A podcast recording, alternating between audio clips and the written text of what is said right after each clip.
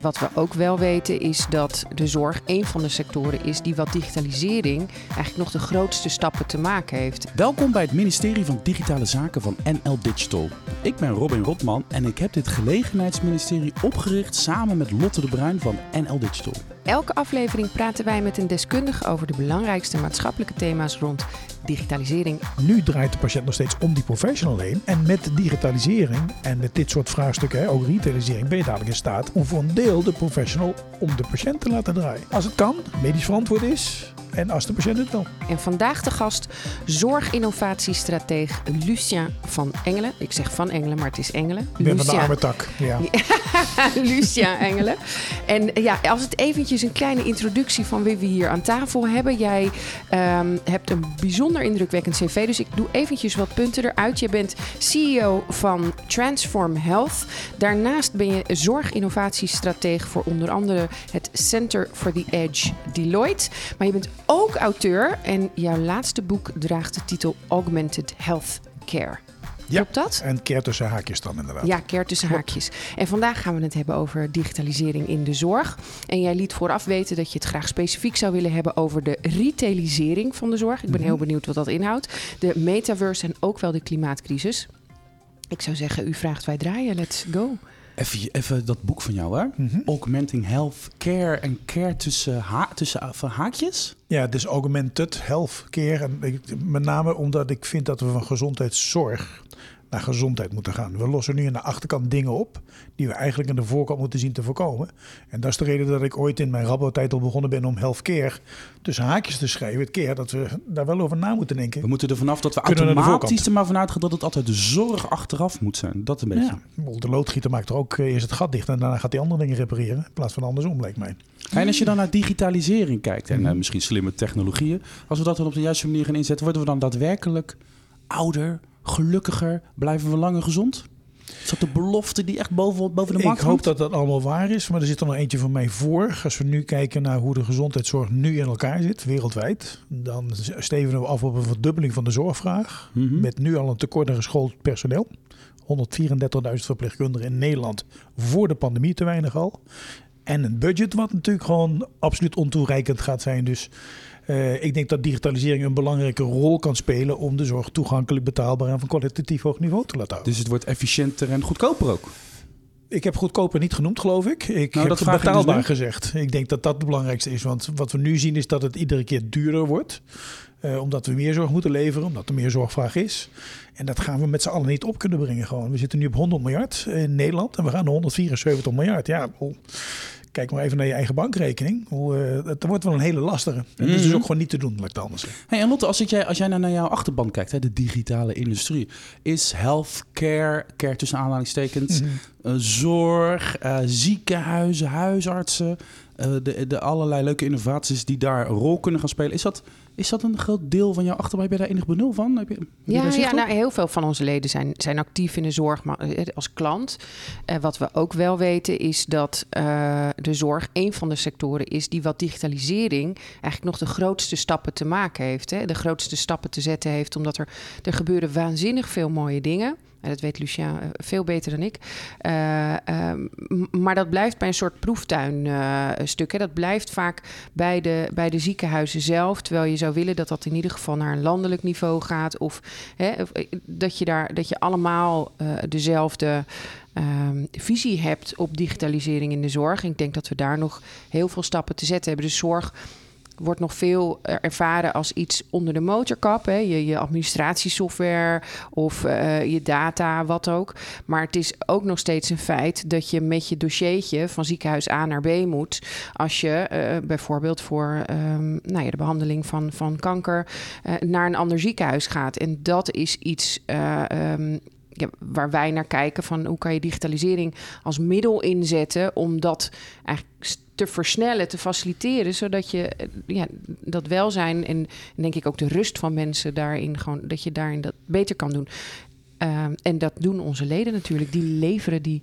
Het, het, het, grappige is, ik ben nog veel met tech bezig en met digitalisering. En dan bij de voorbereiding van dit gesprek was het van: oké, okay, uh, ik kreeg van jouw collega Lotte te horen van... Uh, Lucien wil het graag hebben over de metaverse. Ik dacht van, oh, ik heb best wel veel gepraat over de metaverse... maar de metaverse en de zorg. Die, is, die link heb ik nog nooit zo snel gelegd, dus dat vind ik leuk. Gaan we mee beginnen. Ehm, en dan de retailisering Ja, van de zorg. mooi. Die ken ik ook nog niet. Dus, dus, dus wederom, dus eh, teach me alsjeblieft. En dan die duurzaamheidsopgave, daar gaan we straks mee eindigen. Van oké, maar hoe zit dat dan? Hoe gaat dan de, zeg maar, de, de digitalisering van de zorg een bijdrage leveren aan de, aan, aan, aan de duurzame transitie, waar we dus met z'n allen in zitten. Maar eerst de metaverse, de tech-hype van dit moment. Eh, ik, ik, ik denk dan van ja, hoe is dat dan? Gaan, we, gaan de huisartsen straks in de metaverse een, eh, een, eh, een praktijkje openen en dan gaan we daar met een met een digitaal bezoekje aan de, aan de huisarts brengen? Is dat, is dat, hoe zie je dat voor je? Nou, eerst heel even terug. Ik denk dat er een logisch verband tussen de metaverse, de retailisering van de zorg en de klimaatvraagstukken zit. Daar Oh, we gaan gelijk de grote vragen beantwoorden. Ja, wat Nou, is het verband? Ja. Weet je, doordat we uiteindelijk, laat ik maar zeggen, met digitalisering aan de slag gaan, ben Mhm. je dadelijk in staat om dingen op een andere plek te kunnen gaan doen. Dat leidt heel simpel, komt daar dadelijk uitvoer op terug, tot minder kilometers. Dat betekent dat men- mensen minder in de auto hoeven te zitten, hoeven minder parkeergarages te bouwen, noem maar op allemaal. En als een van de, de vormen van digitalisering de metaverse gaat worden, wat ik overigens nog steeds betwijfel op dit moment. Ik denk dat het inderdaad een enorme hype-term is. We hebben nu langzamerhand de periode sluiten we af waarin iedere derde volzin in de zorg AI voorbij kwam. En dan ging je kijken, waar gaat dat dan over? En dan hebben we het heel voorzichtig over het verzamelen van data. En daar doen we iets mee. Dat werd dan al gelijk AI genoemd. Nou, als je dan iets onder de motorkap ging kijken, hadden we het soms over machine learning. Dat was al heel wat. En het stukje AI, behoudens radiologie om een voorbeeld te noemen, dat is nog steeds in ontwikkeling, lijkt zo te. En goed in ontwikkeling, gelukkig in Nederland. Gaat over Gebeurt op allerlei plekken. gaat over hele goede foto's. Ja, ja. Maar dat is toch jarenlang was dat eh, het, het grote woord, zeg maar. En dat merk ik dus nu met de metaverse. Waarbij ik ook gewoon de vraag stel, ja, maar wat is dat dan?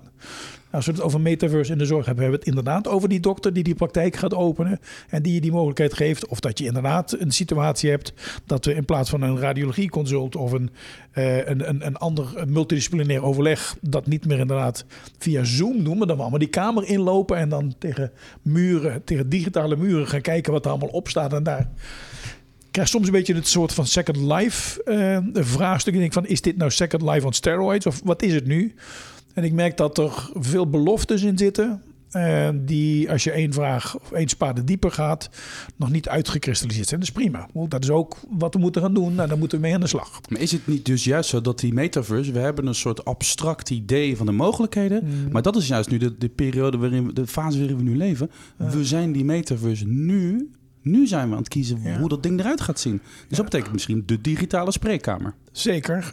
Maar dan ook even terug naar wat Lotte net terecht zei. Van ja, weet je, het is toch ook nog niet zo dat die hele digitalisering in de zorg nou over de volle breedte is uitgerold. Wat wel een voorwaarde is, als je vervolgstappen zoals AI en zoals metaverse op een gegeven moment tot leven wil laten komen. En ik merk dat daar nog een grote afstand zit tussen wat we in de zorg doen. Niet wat we willen, want we willen dat allemaal wel. Maar wat er gewoon gebeurt. Als ik kijk naar. We zitten gewoon in een digitale maatschappij. We doen onze bankbetalingen digitaal. Dat deden we eerst met plastic. We kunnen niet meer reizen zonder digitaal. Eh, we, bestellen onze boodschappen digitaal. Ehm, en in de zorg moet je inderdaad nog soms met dat cd'tje. En ik maak het nu heel plat, want gelukkig op heel veel plekken met XDR's en dergelijke gebeurt al een hele hoop. Maar we zijn wel een beetje de laatste der Mohikanen. We moeten wel zorgen dat we meegaan daarin. En dat betekent eigenlijk dat we onze mensen op een goede manier moeten opleiden. Ik denk dat dat gewoon heel belangrijk is. Nu wil ik een stapje terug. Toch, want jij, ze- jij spreekt heel veel artsen, jij spreekt huisartsen, jij komt veel in die ziekenhuizen. Jij ik mis de verpleegkundige heel even aan. Hè? Verpleegkundige, Vooral. nou ja, Grootste beroepsgroep in de zorg. Hè? Laten we zeggen, de zorgprofessionals in de breedste zin van het woord. Ik wil Mhm. niemand tekort doen hier. Eh, maar eh, voordat we gaan kijken hoe we dat in het onderwijs moeten gaan doen, hoe ziet dat, dan, hoe ziet dat er dan uit? Even los van de metaverse, maar hoe ziet die digitalisering van die zorg er dan uit in concreto? Hoe ziet zo'n digitale spreekkamer eruit? Of een digitale polykliniek? Hoe, of, of bestaat dat straks wel? Hoe ziet dit eruit?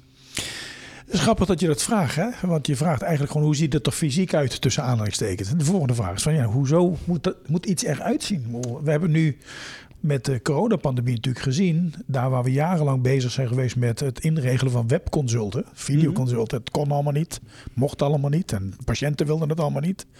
En in de weekendtijd moesten we in één keer om. Het kon wel. En we merkten dat het bij een aantal dingen, waar Lotte en ik het destijds ook wel vaak over hebben gehad, dat je denkt van nou het kan gewoon niet, dat kon in één keer wel. En dingen waarvan we, niet had, waarvan we hadden gedacht dat het wel kon, bleken in de praktijk gewoon niet te kunnen. Dus de boodschap is, wat daar gaat, denk ik ook vaak van je zult het echt moeten gaan proberen. Nou, dus dan proberen we dingen al te vertalen in iets fysieks. Hè? Toch weer die spreekkamer noem maar op. Maar ik heb het gewoon over contact. En of dat contact nu synchroon is, in de zin van we zitten nu samen aan, met elkaar aan tafel, of asynchroon, ja, weet je, who cares? Als er geen acute fase in zit. Als het maar Ja, werkt. Als het maar werkt en als ik mijn vraag maar beantwoord krijg. En of dat dan een spreekkamer is, of dat ik, zoals de digitale eh, human, hè, die we ook bijvoorbeeld bij de Sint Maartenskliniek als wereldwijd eerste digitale apotheker hebben geïmplementeerd, waar mensen erg tevreden over zijn.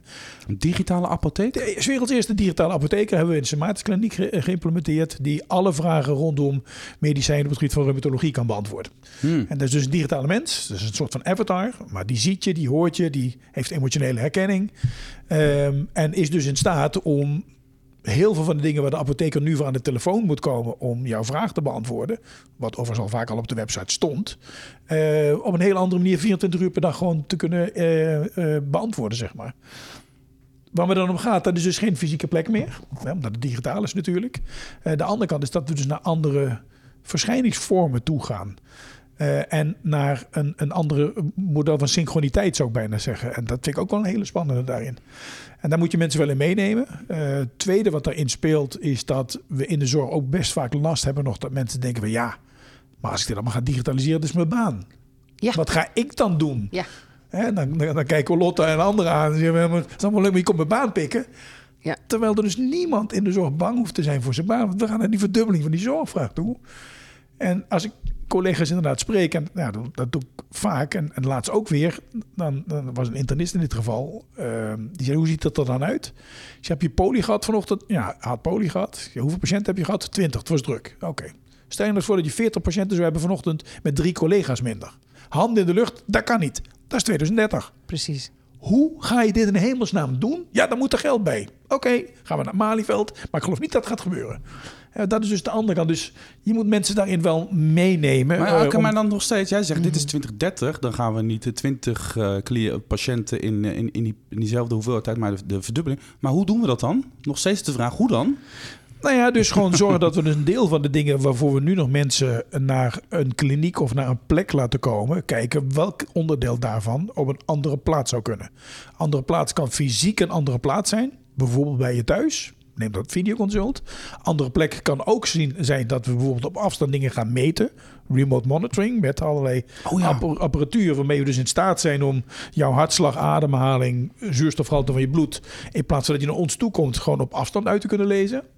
Met alle benefits die erbij horen. Je hoeft geen vrij te nemen. Hoeven geen auto's eh, erin te zetten. Dat soort dingen allemaal. Dus ik denk dat dat gewoon een hele belangrijke is. Dus het begint er wel mee dat je daar eh, voor open moet staan. Dat je de systemen er ook op ingericht moet hebben. En dat is wel een ander punt. Dus we hebben de zorg zo in silo's ingedeeld. Hè, We hebben het heel vaak over de zorg met het ziekenhuis. Maar er is ook nog een heel leger huisartsen. Er is nog een leger fysiotherapeuten. We hebben nog een stuk mentale gezondheid, noem maar op. En het is toch heel moeilijk om informatie eh, en dus data, maar ook geld vanuit de ene kolom naar de andere te krijgen. Terwijl ik investering moet doen nu, waarbij het voordeel misschien wel bij de huisarts valt. Of andersom. Heb je Ja. er zin in, Lotte? Ja, ik heb er heel veel zin in. Ik zit een beetje te, te, te, te wiebelen op mijn stoel, omdat ik denk, ook ik heb heel veel vragen eh, en opmerkingen. Eh, Kijk, dat monitoren wat jij aangeeft, hè, dat is ook voorkomen dat mensen ziek worden. Dus hoe zorg je ervoor dat, er, hè, dat, je, dat je die 40 eh, patiënten aan kan in je eentje, Ja. is ook voor een groot deel juist voorkomen dat mensen ziek worden. En dat is iets, eh, dat is natuurlijk ook waarom jij care tussen haakjes zet en focust op die gezondheid. Ehm, mijn vraag ging over, jij zei de basis op orde hebben. Voordat Mhm. wij eh, überhaupt willen spreken over de toepassing van kunstmatige intelligentie of metaverse, moet de basis op orde zijn. We hebben het een klein beetje over hoe het in Nederland nu is en wat beter kan. Jij hebt als eh innovatiestratege ook rollen in het buitenland.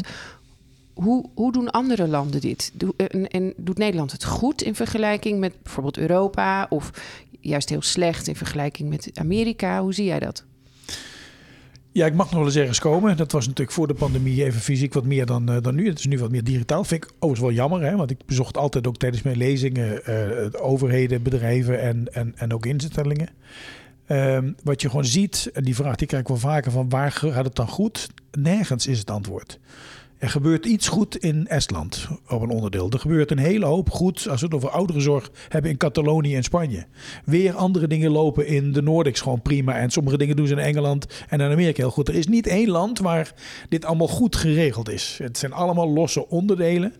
En als je dat dan af en toe mag zien, dan stel je wel vaker de vraag van waarom zitten we dat niet bij elkaar? Nou ja, om allerlei politieke en andere redenen gebeurt dat natuurlijk niet. Als je dan toch terugkijkt naar Nederland en dan weer op Schiphol uh, mag zijn, zeg maar, dan ben ik erg blij met de beweging die zeker de achterliggende jaren is ingezet. Kijkend naar het opzetten van standaarden, uh, moeilijke discussies voeren ook binnen het informatieberaad, waar harde noten gekraakt zijn uiteindelijk om een aantal dingen voor elkaar te krijgen en de basis te leggen waarop we nu op schaal door kunnen. Want ook in Nederland gebeuren op een aantal plekken gewoon hele goede dingen. Maar het is toch nog vaak, ja, weet je, het is, het is in Amsterdam bedacht. Dus dan willen we het in Nijmegen niet. Ik roep maar eens iets of andersom. En ik ben dan ook wel blij dat ook vanuit de overheid nu steeds vaker geroepen wordt van uh, dat moet gaan van not invented here naar proudly copied from. En ik denk dat dat een hele belangrijke is. dat is mooi. En nou ja, weet je, dat is natuurlijk, we kunnen die euro maar één keer uitgeven, Lotte. En, ja. en dat gebeurt nog steeds te vaak. En daar, daar moeten ook verzekeraars op sturen. Dat ze niet in de ene regio een pilot opstarten en in de andere een exact dezelfde. Terwijl het zich al bewezen heeft. Weet je, ja. dat is. Ja. Dus ik merk nu wel, dat komt nu steeds meer bij elkaar. Dat vind ik goed. Ik denk dat de pandemie daar een belangrijke rol in heeft gespeeld. Ik heb een interview, NRC heb ik niet eens meer uh, gezegd... we zijn jarenlang zwanger geweest van digitale zorg. Is nu met een keizersnede gekomen. Hè? Het moest in één keer. Ja. Stoom en kokend water. Het risico is wel dat we weer terugveren een beetje. Hè? Dat we weer terug van het oude gedrag. En daar zie ik nu inderdaad overheid, uh, verzekeraars, koepels... ook echt wel gewoon naar terug gaan. Lotte, ja? als ik minister van Digitale Zaken was, Ja. onze rubriek. Onze Ik heb rubriek. zo het vermoeden dat dit een beetje als ik minister van digitale zorg tussen aanhalingstekens was, of niet? Ja, maar ik weet dat Lucien ook kan uitzoomen naar, naar heel Nederland. Dus dat komt helemaal goed. Ik heb eh, vier vragen voor je. Twee gesloten, twee open. Nuanceren mag achteraf. Ik begin met de twee gesloten vragen. Als ik minister van Digitale Zaken was, dan gaat, elke, dan gaat elk doktersbezoek eerst langs de digitale spreekkamer. Digitaal tenzij. Ja, Als ik minister van Digitale Zaken was, dan zou ik het mogelijk maken dat elke zorgprofessional gratis digitaliseringsopleidingen kan volgen. absoluut. Dan de twee open vragen. Wat hoop je als minister van Digitale Zaken dat digitalisering Nederland brengt in de komende tien jaar? Ik zou hopen dat voor de komende tien jaar we in staat zijn om ehm, mensen die nu in de zorg werken vast te houden aan de zorg. Want we lopen ook een beetje door de achterdeur naar buiten toe nu. Door de ongelooflijke workload die er is, waarin digitalisering een belangrijke rol kan spelen. Maar nog steeds niet echt speelt, omdat we eh, de extra ruimte die er komt gelijk weer invullen met een extra lijstje en allemaal van andere dingen. Dus ik, ik zou hopen dat we dat voor elkaar krijgen. Want daarmee hebben we de basis eh, om goede zorg te kunnen blijven leveren. Want we hebben in Nederland gewoon hele goede zorg. Ja. Dat blijkt ook uit iedere lijstjes die iedere keer al voorbij komen. Dus daar kunnen we best trots op zijn. Dan de laatste. Van welke ontwikkeling in digitale technologie word jij als minister van Digitale Zaken ontzettend blij? Dat de overheid eh, samen met ook verzekeraars nu eh, eindelijk op de agenda hebben staan dat digitalisering echt een enorme impuls moet krijgen. En dan niet in de vorm van pilots, maar ook echt gewoon mainstream. Eh, en en daar, daar, word ik wel erg, daar word ik wel erg warm van. Het heeft een tijdje geduurd, als ik Ja. dat vergelijk met andere sectoren. Maar het kan ook nu niet anders. Het is ook niet de oplossing voor alles. Maar eh, ik, ik ben daar wel erg blij mee. Ja. Oké, die digitale spreekkamer. Mhm. Ja, voor iedereen.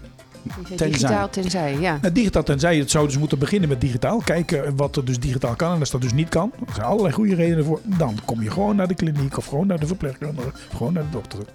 En dan die, eh, die digitaliseringsopleidingen voor de zorgprofessional. absoluut. en dan bedoel ik ook alle zorgprofessionals. Ja, maar daar, wat we daar dus in missen vind ik eh, de andere belangrijke partij. En dat is de patiënt. Laten we ook zorgen dat digitale vaardigheden, eh, ik zou bijna zeggen vanaf de basisschool aangeleerd worden. Om te zorgen dat je op basis daarvan stappen kunt zetten. Nou ja, dat, dat roep ik dus ongeveer in iedere podcast, op ieder podium. Eh, echter, eh, eh, dat, mijn boodschap komt nog niet helemaal goed over in, in Den Haag. We het maar vaak moeten, genoeg samen Robert Dijkgravers opbellen. Want volgens Ja. mij gaat hij daarover. En volgens mij snapt hij dit. Of eh, Wiersma kan natuurlijk ook, want hij gaat over primair en, eh, en voortgezet onderwijs. Oh ja. Want, Dus klopt, allebei, ja. allebei, allebei. We gaan op bezoek. Ja. Het wordt een gezamenlijk effort, wordt dit. Ja. Nee, Leuk. dat is echt, want, want dat, dat, dat scheelt enorm veel. Dus uh, is overigens niet alleen voor de jongens en meisjes die op dat moment zelf zorg nodig hebben. Maar je ziet in toenemende mate dat de rol van de mantelzorger natuurlijk gewoon steeds groter wordt. Als die de mogelijkheden beter kennen, hebben we dus een betere kans om het op een goede manier eh, toegankelijk te kunnen laten zijn. Absoluut. Ik las iets. De afgelopen zeven jaar stonden in het teken van het leggen van het fundament voor digitalisering in de zorg. Ja. De komende zeven jaar zien we een crossover tussen de zorg en de retail, las ik uit jou. uh, Ja. Dat is jou, een citaat van jou. Ja. De retailisering van de zorg. Help me eventjes. Ja, ik moet heel eerlijk zeggen, ik weet niet eens of dat het inmiddels nog een echt goed Nederlands woord is. dat ik, ik, ben, ik ben bang dat deze zetten ook gaat halen. hoor.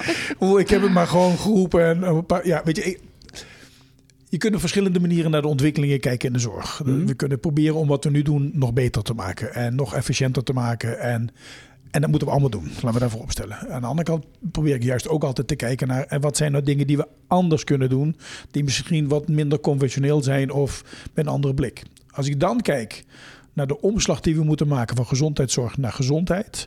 Dat betekent dus dat we naar de voorkant van het verhaal moeten. En in die voorkant van het verhaal zit, wat mij gaat ook het laatste bastion in de wijk. En dat is de supermarkt. Mhm. Die inmiddels ook postkantoor geworden is, die ook bankkantoor geworden is. En waar je de pakketjes op moet halen, noem maar op.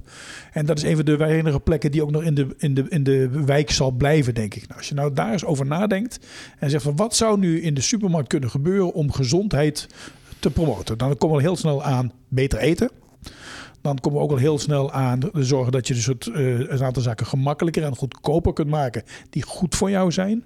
Als ik dan even een paar hele grote stappen maak en zeg, als we in staat zijn om meer data van en over de burger slash patiënt op te halen, uit je telefoon, uit je horloge, uit allerlei testen.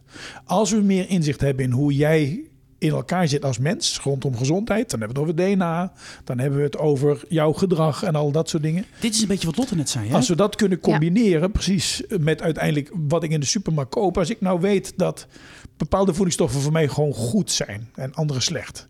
Waarom worden die goede dingen voor mij dan niet goedkoper gemaakt en de slechtere dingen duurder? Ik denk dat dat een optie zou kunnen zijn. Dat is een moeilijke, daar kun je ethische vragen over stellen. Maar ik denk wel dat het gaat gebeuren. Eh, dus dat is één deel van de retailisering. Tweede deel van eh, waar ik het over retailisering heb is welke in- interventies die we nu in de gezondheidszorg doen, zouden op een andere plek kunnen plaatsvinden. En ik pak dan maar gewoon een voorbeeld. Ik heb daar geen belangen bij overigens, maar in de kruidvat lopen dames met een rood hesje en er loopt er eentje met een groen hesje. Is een gecertificeerde drogist. Ja. Die kan dus een hele hoop meer dan we soms denken. Waarom zouden die nou niet een aantal dingen die nu nog bij de huisarts of in het ziekenhuis gebeuren, op die locatie plaatsvinden? Want die locaties die zitten op veel meer plekken dan we ziekenhuizen hebben. Zijn veel benaderbaarder ook hè, Ja. voor mensen. Ja. Precies. En een van de rollen die ik heb is, is in het Laurentius ziekenhuis Roermond, mijn eigen hometown ziekenhuis. Daar hebben ze een health kiosk staan. En, en dat is dus een, een grote soort van Sinterklaasstoel, noem ik het af en toe. En daar ga je op zitten en dan wordt je bloeddruk gemeten en je saturatie, dus je eh zuurstofgehalte van je bloed en je gewicht en allemaal dat soort dingen. En met het pasje gaat dat gelijk rechtstreeks het EPD in. Waarom staat die niet bij de kruidvat? In, op plekken waar, waar, waar geen zorg geleverd wordt nu. Oké, want Ja. hier ga je natuurlijk, dit is natuurlijk, dit is een beetje radicaal bijna. Hè? Want wat je hier gaat krijgen is dat je niet die digitalisering gaat gebruiken om, eh, om, om de patiënt aan de zorgprofessional te koppelen. Hè? Bijvoorbeeld middels een digitale spreekkamer. Nee, je zegt eigenlijk, we gaan een deel van die, van die, van die expertise van de huisarts, van de zorgprofessional, die zit eigenlijk misschien wel in je telefoon. Hè? Of een deel van die taken die zitten in je telefoon. Of die sensoren, die, Ja. die communiceren gewoon in real time met jouw lijf, zal ik maar zeggen. En dan, en dan gaan we zeg maar, de output daarvan, die gaan we misschien eh, koppelen aan, aan, aan, aan, die, aan die drogist die we toch al hadden, of aan de supermarkt. Dat, is, dat, dat noem ik een radio. Ja, ik ben natuurlijk gewoon super conservatief over dit soort dingen. hè. Eh, eerlijk is eerlijk. Dus dat, Welkom in 2022. dus dat vind ik wel, dat vind ik wel spannend, moet ik eerlijk. Dat gaat dus digitalisering echt op een andere manier. Gaan we dit echt op een hele andere manier Ja, organiseren. Maar, maar het is dus ook spannend. Hè? Het is dus ook niet de oplossing voor alles, maar het is gewoon een deeloplossing. En ik heb het vaker over het Copernicus-moment. Copernicus toonde in de 1500 aan van zijn wetenschapper dat de zon niet om de aarde draaide, maar het andersom is. Nu draait de patiënt nog steeds om die professional heen. En met digitalisering en met dit soort vraagstukken, ook retailisering, ben je dadelijk in staat om voor een deel de professional om de patiënt te laten draaien. Als het kan, medisch verantwoord is en als de patiënt het wil. Vind je, ben je net zo... Uh, ja, nou, ik ben... net zo spannend als ik? Of ben nee, jij wat... Nee, ik... Uh, jij vindt het heel normaal allemaal? Nou, kijk, ik vind het... um, ik denk dat het belangrijk is om die basis op orde te hebben. Waar mm. merk je dat uh, het spannend wordt? Dus als het gaat over privacy, die gegevens, zijn die dan van mij? Wie kan die inzien? Mijn zorgverzekeraar? Krijg ik dan een hogere nota als ze zien dat mm. ik... De, die basis, daar hebben we het al eerder over gehad, die moet op orde zijn. Maar ik heb wel die 174 miljard, had je het over, heb ik in mijn achterhoofd. En ik denk, ja, dat is ook spannend. Uh, dat, dat vind ik misschien, hoe, hoe we dat voor elkaar gaan krijgen, vind ik ook spannend. En als dit middelen zijn die inderdaad, als het verantwoord is, kunnen toegepast kunnen worden. En wij kunnen daarmee voorkomen dat mensen ziek worden. En daarmee die 174 miljard misschien wel naar beneden krijgen. En op een andere, slimmere manier investeren. Ja, ik ben voor. En bovendien denk ik ook. Het is ook een beetje onbekend maakt onbemind ik draag een smartwatch. Heel veel mensen dragen een smartwatch of hun telefoon. De hoeveelheid gezondheidsgegevens die daar nu al in zitten, want die sensoren, het is niet nieuw. Die sensoren die zitten daar al in. Dat is volgens mij heb jij ook wel eens een keer in een vorig gesprek tegen ons. Dit is het grootste EPD. Heeft, uh, heeft Apple bij wijze van spreken. Um, dus waarom niet nuttig gebruik maken van die data? Als, als je er profijt bij hebt. Maar, of en, de basis moet op orde zijn. Ja, hm. ja want jij bent natuurlijk van de inclusie. En als ik hoor dat, uh, dat de, dus de, de supermarkten meekijken, tussen aanhalingstekens, en weten wat, wat, wat, wat voor keuzes goed voor mij zijn en, en, en, en, en eh, de slechte producten of de ongezonde dingen duurder voor mij maken en dat, dat je zo gepersonaliseerde prijzen gaat krijgen. En dat de verzekeraar, de, verzekeraar die is nu met de overheid kennelijk goed bezig om eindelijk digitaliseren. Die kijken ook mee. Dat, die gaan misschien ook de prijzen veranderen per patiënt. Dat, waardoor het. ik vind het allemaal spannend. Ik vind het eng. En er wordt over gepraat en daar gaan we natuurlijk oplossingen voor bedenken. Maar toch, ik vind het wel. Ja, is het ook. Maar er zijn natuurlijk nu ook al verzekeraars die korting geven als uh, eerder om te stimuleren dan te. ze straffen niet, maar ze geven juist korting om te stimuleren dat je gezonde keuzes maakt. Uh, en nogmaals, als die data van jou blijft en voor jou inzichtelijk is en er is een alternatief, want je moet ook kunnen kiezen dat je het niet wil, hè, daar ben ik ook voor. Uh, um, maar dan, ja, ja ik, ik word daar gewoon heel. Ik vind het overigens van Nederland ook nog wel iets anders dan in een aantal andere landen in dat kader. Hè. In Amerika hebben we het echt over een verdienmodel in de zorg. En in Nederland hou ik ervan te geloven dat het nog steeds een verdeelmodel is. Hè. We hebben een bepaald bedrag en daar moeten we het van doen. En dat proberen we op een, op een efficiënte en eerlijke en toegankelijke manier te verdelen. Als je het hierover hebt, hebben we in Nederland gewoon nog steeds gelukkig wetgeving die gewoon ervoor zorgt dat jij altijd verzekerd kan zijn. Hoe anders is dat in Amerika? Hè? We kennen de hele toestand met de Obamacare nog om, om mm. maar eens even een herinnering te halen. Daar speelt dit. Hè? Dat is een verzekering. Dan kan zeggen, hmm, die, die wandelt niet heel erg veel. Laten we dit maar niet doen. Of laten we hier met 10% bovenop zetten. Nu zit het nog in de aanvullende kant dat ze je een stukje korting mogen geven. Mag overigens ook weer niet te veel zijn. Dus geloof, ik hou ervan te geloven dat we in Nederland dit ook uh, uh, qua, qua beleid en dergelijke en wetgeving goed op orde hebben. Uh, natuurlijk, privacy-vraagstukken zullen er altijd zijn. Dat blijven we zeker houden. we zullen ook altijd, er zal ook altijd een hacker slimmer zijn dan het slimste systeem. Dat moeten we ons ook gewoon realiseren. Dat is de andere kant. Maar met de randvoorwaarden die we hebben, uh, die ook geïmplementeerd zijn, ook in Nederland, hebben we een redelijke basis daarvoor, denk ik toch echt wel. Jij noemde net een jaartal, hè? Wat was het? 2030. Mm -hmm. Dat is echt nog niet zo, dat is niet zo heel ver. Nee, het, is ver, dichterbij. het is ver genoeg om, om, uh, om, om zeg maar een soort toekomstperspectief te schetsen. Weet je hoe dat uitziet? Heel even, zodat je onderbreekt. Maar ja. ik, ik, in mijn lezingen gebruik ik daar een plaatje over om dit aan te halen, hè, rondom 2030. En we hebben dus nu in de pandemie gezien hoe 2030 eruit ziet. Wat we mee hebben gemaakt tijdens deze pandemie is de druk op de zorg die er in 2030 gaat gebeuren met dat we dus niks doen. Dat is de standaard. En, we, en, en precies, is de standaard. En we weten hoe dramatisch dat dit was. En, en als je dat beeld dus probeert te vertalen, en ik ben echt geen doemdenker, ik word eerder een seriële optimist genoemd dan, dan doemdenker, maar als je dit probeert te vertalen, dan moeten we nu wel, net als met klimaat en andere dingen, moeten we wel gewoon meters gaan maken Oké, dus je zegt nu eigenlijk de nood is hoog. Jij praat veel in die ziekenhuizen en veel met die professionals, veel met die huisartsen. Ik wil niemand uitsluiten, maar jij praat met iedereen in de zorg. Uh, maar ik neem aan dat een belangrijke gesprekspartners voor jou vaak zijn de mensen binnen zo'n organisatie die heel erg gevoelig zijn voor innovatie. Misschien dat ene bestuurslid dat denkt van, oeh, wij willen hier iets mee. Jij, jij, jij, jij spreekt waarschijnlijk ook vaak de believers of de mensen die voelen dat hier wat kan. Uh, maar ik neem aan dat jij ook veel in contact bent met de mensen gewoon op de vloer, de, de, chirurgen. En de, daar zit natuurlijk een hoop uh, trots in de zorg. Cons- Mhm. Heel veel conservatieve gevoelens. Want ik heb ook veel mensen in de zorg gesproken. Hoe neem je die mensen allemaal mee? Zonder dat je ze het gevoel geeft dat ze er niet meer over gaan. Want dat is volgens mij heel belangrijk hier in de zorg. Kijk, als ik kijk naar de mensen die ik, eh, die ik mag spreken, waar ik naar mag luisteren en waarmee ik eh, eh, discussies mag voeren, dan zitten de believers en de non-believers en gelukkig in alle geledingen. Ja. Heeft overigens ook helemaal nul met leeftijd te maken, wat soms gedacht wordt. Er zitten net zoveel eh, eh, mensen die conservatief naar de zorg kijken in bestuurslagen eh, als bij chirurgen, verpleegkundigen en andersom. Ehm, dus ik heb het geluk dat ik dus beide kanten mag zien, om even zo uit te drukken. Het lijkt soms alsof het helemaal aan de ene of de andere kant zit. Dat is natuurlijk niet waar. Mensen hebben vooral de hashtag hoe-vraag. Hoe moet ik het gaan regelen? In plaats van dat ze... Want ze snappen ook wel dat er iets moet gaan gebeuren. De waarom vraag is er niet meer? Die dat, is go- dat is een goede vraag. Die zie ik steeds meer naar de achtergrond komen. Men snapt ook wel langzamerhand dat er iets moet gaan gebeuren. En dat we dus niet nog een keer naar het Malieveld gaan en dat er weer een hoop bij komt. Ik pak dat Malieveld maar weer. Ehm, dus ik merk dat de waarom-vraag, die zit er nog wel in. Maar dan zit het ook nog wel vaak van, hebben we dat wetenschappelijk aangetoond? En dat, soort, en, en dat gebeurt allemaal op dit moment. Mhm. En van de dingen waar we niet, niet aan kunnen tonen, moeten we het ook niet doen. Hè? Dat is de andere kant. Maar je moet het wel onderzoeken. En ik denk dat dat een belangrijke is. Wat je dus nu ziet ontstaan daarin, is dat mensen meekomen als ze zien en ook snappen en kunnen overzien wat dat voor hun betekent. Dus daarom zijn die gesprekken ook belangrijk om aan te tonen en te laten zien dat je echt nog wel een baan hebt. Je gaat wel andere dingen doen. Een hele tijd lang heeft men gedacht dat AI de dokter gaat vervangen. Nee, maar AI gaat wel de dokter vervangen die geen AI gebruikt. Want je krijgt het gewoon niet meer voor elkaar. Dat is gewoon simpel de, de situatie met het verhaal. Dan hebben we nog de opleidingen. Ook even niet vergeten. Hoe dokters worden en verpleegkundigen worden nu opgeleid. We hebben, ik heb mee mogen helpen om het curriculum voor geneeskunde in 2015 aan de Radboud Universiteit te veranderen. De eerste dokters komen dit jaar beschikbaar. Er zit zeven Ja, jaar tijd tussen. hè? lang, ja. Het duurt een hele tijd voordat dat uiteindelijk.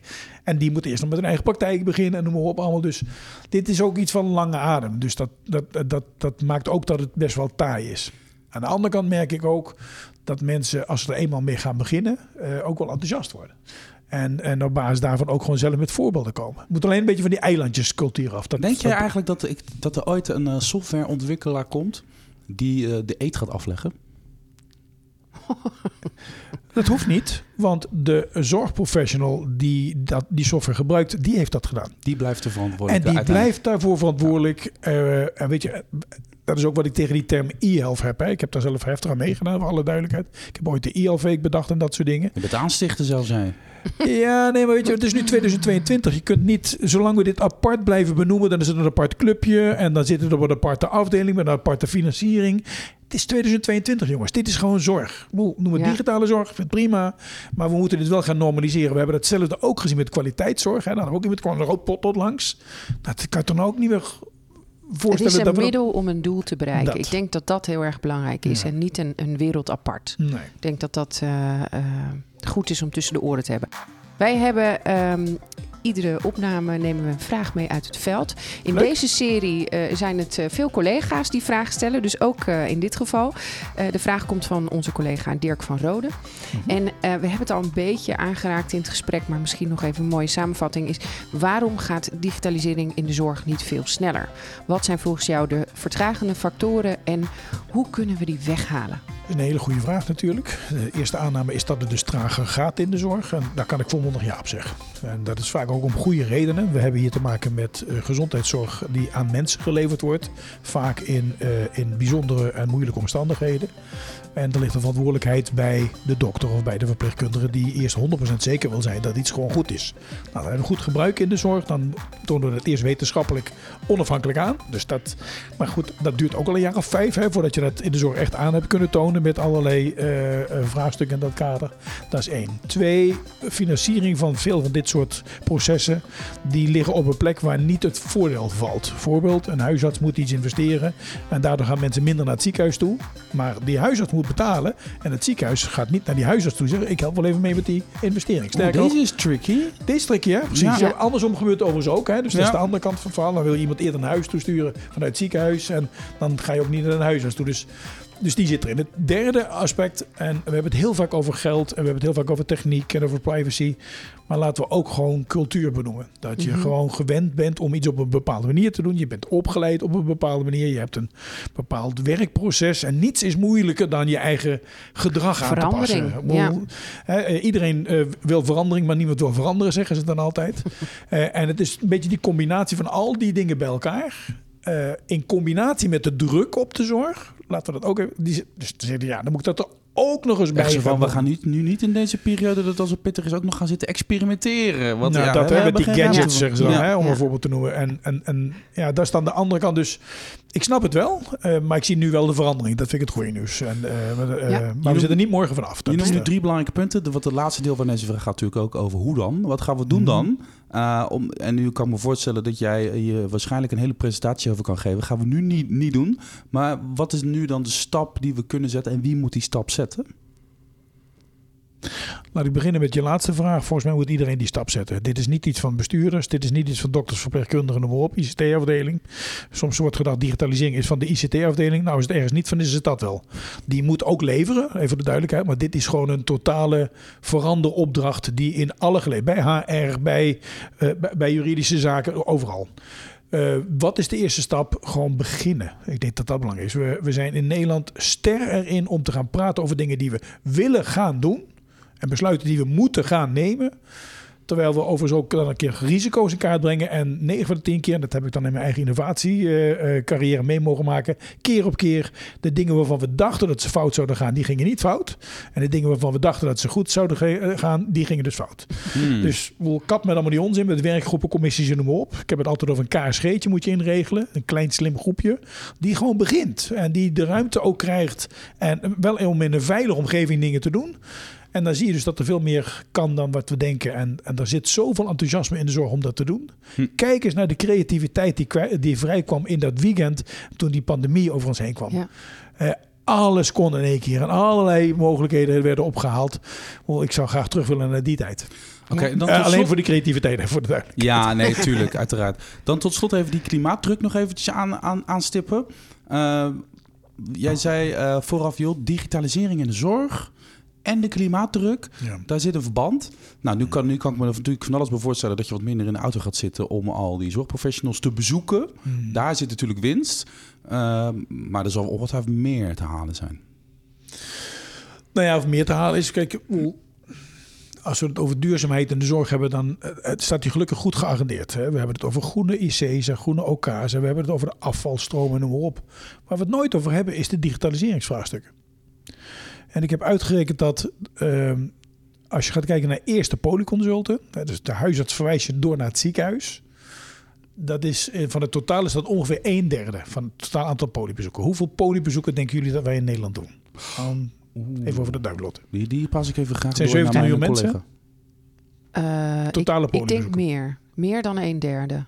Ja, ho- oh, hoeveel? Nee, hoeveel polybezoeken in totaal? Gewoon in Nederland. Oh. We hebben 17 miljoen Per mensen. jaar? Ja, per jaar. Nou, stel dat we allemaal één keer per jaar gemiddeld gaan. Alleen al. 2 miljoen? Nee, meer denk ik. Meer denk ik. 4? 20? Acht- 8,8 miljoen Oh. keer. Dat is moly. 2015. Ja, ja. ja. Eerste polybezoeken is een derde daarvan. Ik heb uitgerekend als je alleen voor die bezoeken allemaal de brandstofauto zou pakken. En dat is natuurlijk niet waar, maar het is ook maar een derde. Gemiddeld ziekenhuis ligt 5,5 kilometer van de burger af. Wat heen en terug. 91 miljoen kilometer met een brandstofauto van en naar het ziekenhuis toe. Per jaar in Nederland. Dus voor een derde. Als je dit nou eens omdraait, als je zegt van we hebben een verduurzaamheidsopdracht, die hebben we allemaal. Dan kijken we Mm. inderdaad naar afval, nogmaals, allemaal die dingen moeten we doen. ja. Maar we kijken dus niet naar dit aspect van het verhaal. Waarom niet? Omdat het ook niet in ons bakje valt. Laten we ook heel Ja. eerlijk zijn. Dus dat kom je met die kolommen waar we het over hebben. Hè, dat dat op basis daarvan niet echt gewoon appelleert, zeg maar. En als je dus nu gaat kijken naar hoe krijgen we die duurzaamheidsopdracht voor elkaar, zou ik het fijn vinden. En ook de vraag gesteld, ook aan de overheid en verzekeraars, neem dit nou mee in die verduurzaamheidsopdracht. En ik ben nu bezig om de zogenaamde climate case voor digital health uit te rekenen. Dat doe ik samen met de bestuursvoorzitters van Radboud UMC en Maastricht UMC en Laurentius ziekenhuis en Deloitte. Zijn we uit het rekenen. Wat is nu die klimaatdruk die we kunnen verlagen door toepassing van digitale zorg op een aantal obvious vraagstukken zoals die polybezoeken. Wanneer is Ja. dit verhaal rond? Wanneer heb je dit rapportje af? 9 mei presenteren we dat op het eh, congres van ICT en Health. Mhm. In de Amar hele ding, geloof ik, in, in Den Haag. En dan komen we voor de eerste keer naar buiten met het verhaal. Oh, dit Eh, vind ik leuk. Dit is misschien Heel aardig om, eh, om een van de betrokkenen ook eh, onze podcast in te halen, Lotte. Ja, dat vind ik leuk. Ja. Hey Lotte, even tot slot naar jou. Ja, ja, ja, ja. Ehm, Oké, Lucien Engelen die schetst een wereld in verandering. Ja. Er komt heel veel op ons af. We gaan echt veranderen. De noodzaak is groot. Er moeten wat mentale hobbels genomen worden. Er moeten wat politieke keuzes gemaakt worden. Er moet ontschot worden. Er moet van alles gebeuren. En er liggen allerlei kansen. En er liggen heel veel kansen. Ja. Nee, maar het is een positief... Ik hoor jou... Ja. Ik, ik, hoor hier een positief mens, hoor. Ja. Welke ondernemerskansen zie jij? Wat denk je van... Oh, want dit is natuurlijk ook smullen voor de mensen die dit allemaal gaan bouwen. Die Nou, dit gaan precies. maken. Kijk, onze leden zijn natuurlijk die bedrijven die de producten en diensten maken om deze digitale transformatie, deze beweging mede te faciliteren. Hè, in partnership met de ziekenhuizen en, en noem maar op. Dus die kansen die zijn eindeloos. Daar zijn heel veel eh, producten en diensten voor nodig. Eh, en het is gewoon een waanzinnige kans die zowel eh, zeg maar het, het maatschappelijke, dus het gaat over welzijn. dat is precies waar wij altijd, wat wij zeggen, daar staan wij voor. Digitalisering als basis van duurzame groei van welzijn en welvaart. En daar is dit thema gewoon recht in de roos. Dus ik zou het wel weten als ik ondernemer was. Ja, en eh, wat eh, Lucien, we hebben natuurlijk die, eh, de AI-coalitie. Dus er is een ministerie dat werkt samen met, met professionals om te kijken hoe we, wat we met AI gaan doen. Dit soort gelijk zijn we met blockchain. Eigenlijk zouden we zoiets ook moeten hebben voor eh, digitalisering in de zorg, toch? Of hebben we, bestaat er al zoiets? Nou, ik geloof dat dat er wel is. Je moet dit ook niet apart gaan zetten, denk ik. Ah, dit- je moet dit gaan normaliseren juist. Eh, en ik denk dat we heel veel behoefte ook hebben aan, aan jongens en meiden die, die in de zorg willen werken. Over het algemeen is daar geen gebrek aan dat mensen van snappen dat dit een ongelooflijk belangrijke, purposeful eh carrière is die je kunt maken. Oh, hè, Je kunt, dat- je kunt in allerlei bedrijfstakken gaan werken, maar dat is er maar één waar iedereen op een moment in zijn leven altijd gebruik van zal moeten maken. Dat is toch gezondheidszorg. Voilà, het Ja. gaat over ons allemaal. Zo is Dat is de andere kant dus. Ja. Ehm, dus dat geldt zowel voor, voor mensen in de techniek, zeg maar. Eh, eh, ik kijk met, met, met ledenogen hoe nu mensen de zorg verlaten... omdat het gewoon zo ongelooflijk hard Te eh, heftig, hè, eh, ja. geweest eh, is en, en nog is.